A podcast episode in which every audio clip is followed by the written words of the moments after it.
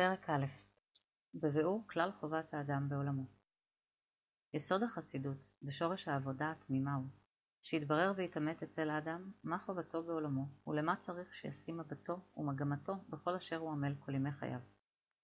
זאת אומרת, אומר לנו הרב, יסוד החסידות ושורש העבודה התמימה.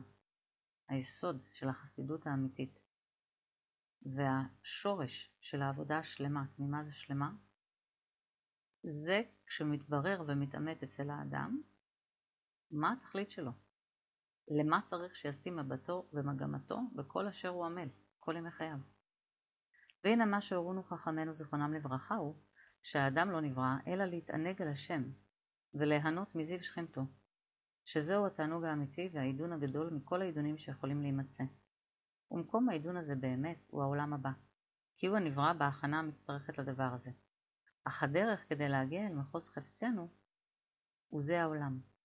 והוא מה שאמרו זיכרונם לברכה, העולם הזה דומה לפרוזדור בפני העולם הבא. והאמצעים המגיעים את האדם לתכלית הזה, הם המצוות אשר ציוונו עליהן האל יתברך שמו. ומקום עשיית המצוות הוא רק העולם הזה.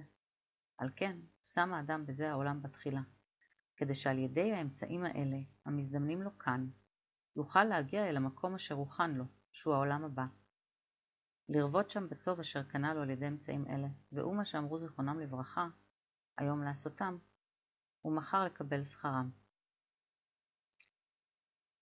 זה מעניין שיש פירוש שהוא ידוע, שאומר שהעולם הבא הוא לא רק העולם שאחרי, שאחרי מאה העשרים, אלא הוא העולם הבא כל רגע, כן? זאת אומרת שיש, שאפשר לחיות, אדם יכול לחיות את העולם הבא כבר בעולם הזה.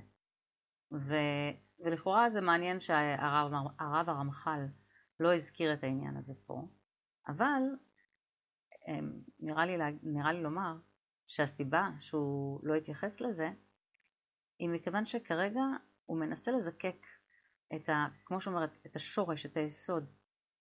ושמה, ביסוד הזה, אין נגיעה לשכר.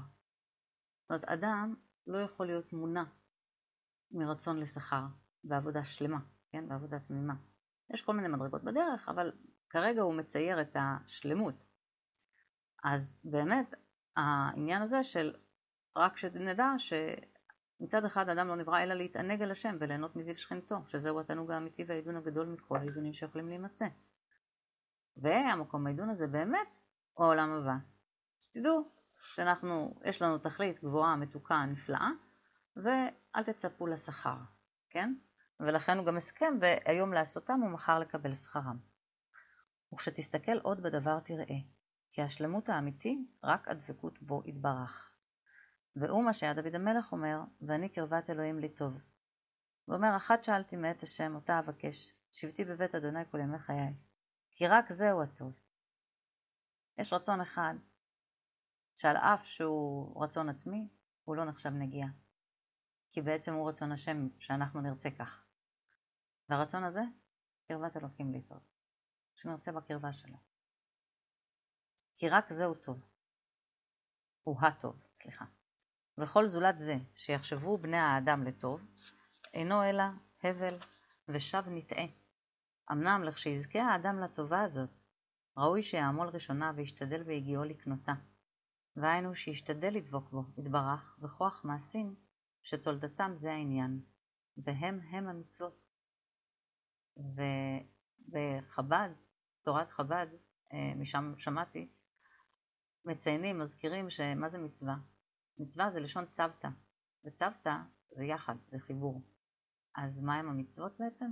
הם חיבורים.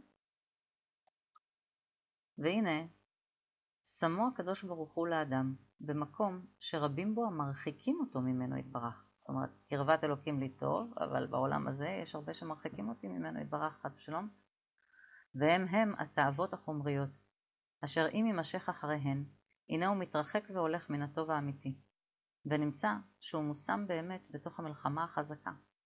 כי כל ענייני העולם, בין לטוב בין למוטב, הנה הם ניסיונות לאדם. העוני מצד אחד והעושר מצד אחד. כעניין שאמר שלמה, פן אסבע וכיחשתי, ואמרתי, מי אדוני? ופן יברש וגנבתי.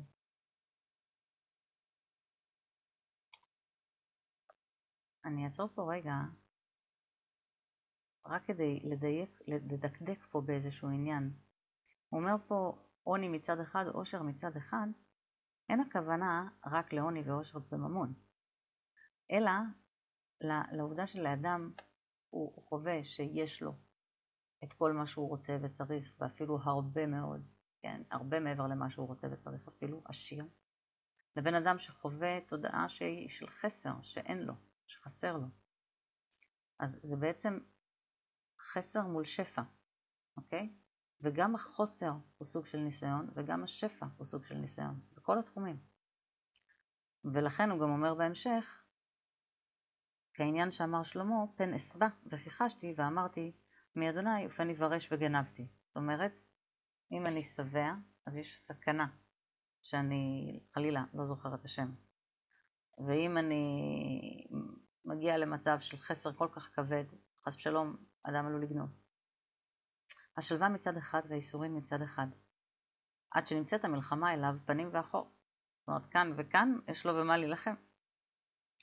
ואם יהיה לבן חיל, וינצח המלחמה מכל הצדדים, הוא יהיה האדם השלם אשר יזכה להידבק בבורו.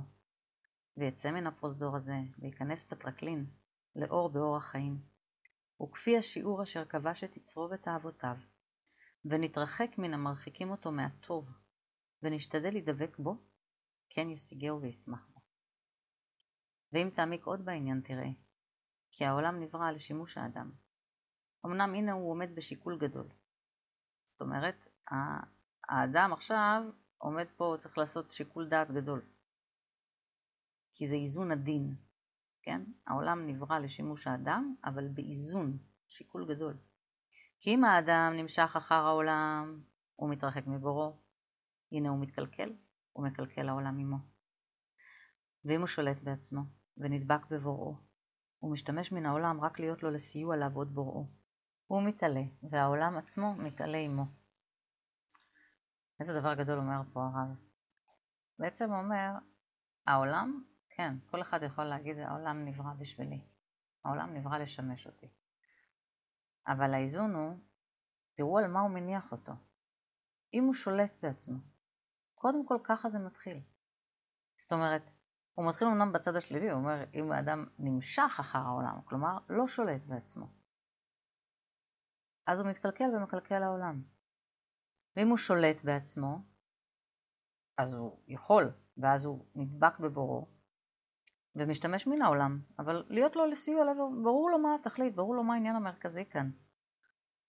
אה, אם הוא הולך להפסיד משהו, אם הוא ישקר, כן? אם הוא יכול להרוויח משהו מזה שהוא ישקר, הכוונה, אה, זה לא, זה לא מבלבל אותו בכלל.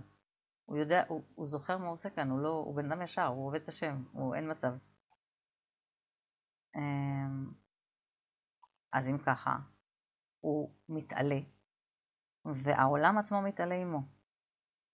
וזה מזכיר את מה שהרמב"ם כותב, אה, מכוון לאותו, לאותה התבוננות בעצם, לאותה אולי גישה פנימית בריאה שתהיה לו לאדם, לחיים שלו, לחיים של אחרים, וזה שלעולם יראה אדם עצמו חציו חייב וחציו זכאי, סליחה, את עצמו ואת כל העולם כולו, כן? חציו חייב וחציו זכאי, עשה מעשה טוב, הכריע את עצמו ואת העולם כולו לכף זכות. עשה חלילה ההפך, אז הכריע חלילה את עצמו ואת העולם כולו לכף חובה. ו... ולמה אני אומרת שזה דבר מאוד גדול שבעצם נאמר פה? כי, כי יש בזה עומק. אדם הרבה פעמים מרגיש ש...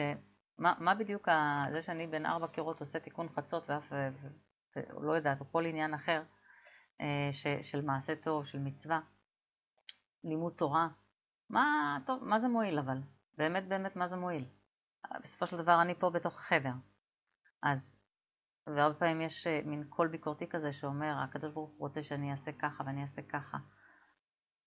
אז, אז אדם חשוב שהוא יזכור שהעבודה האמיתית היא העידון הפנימי שלנו, וחוויות החיים מספקות בעצם את המצע שדרכו אנחנו עושים את זה.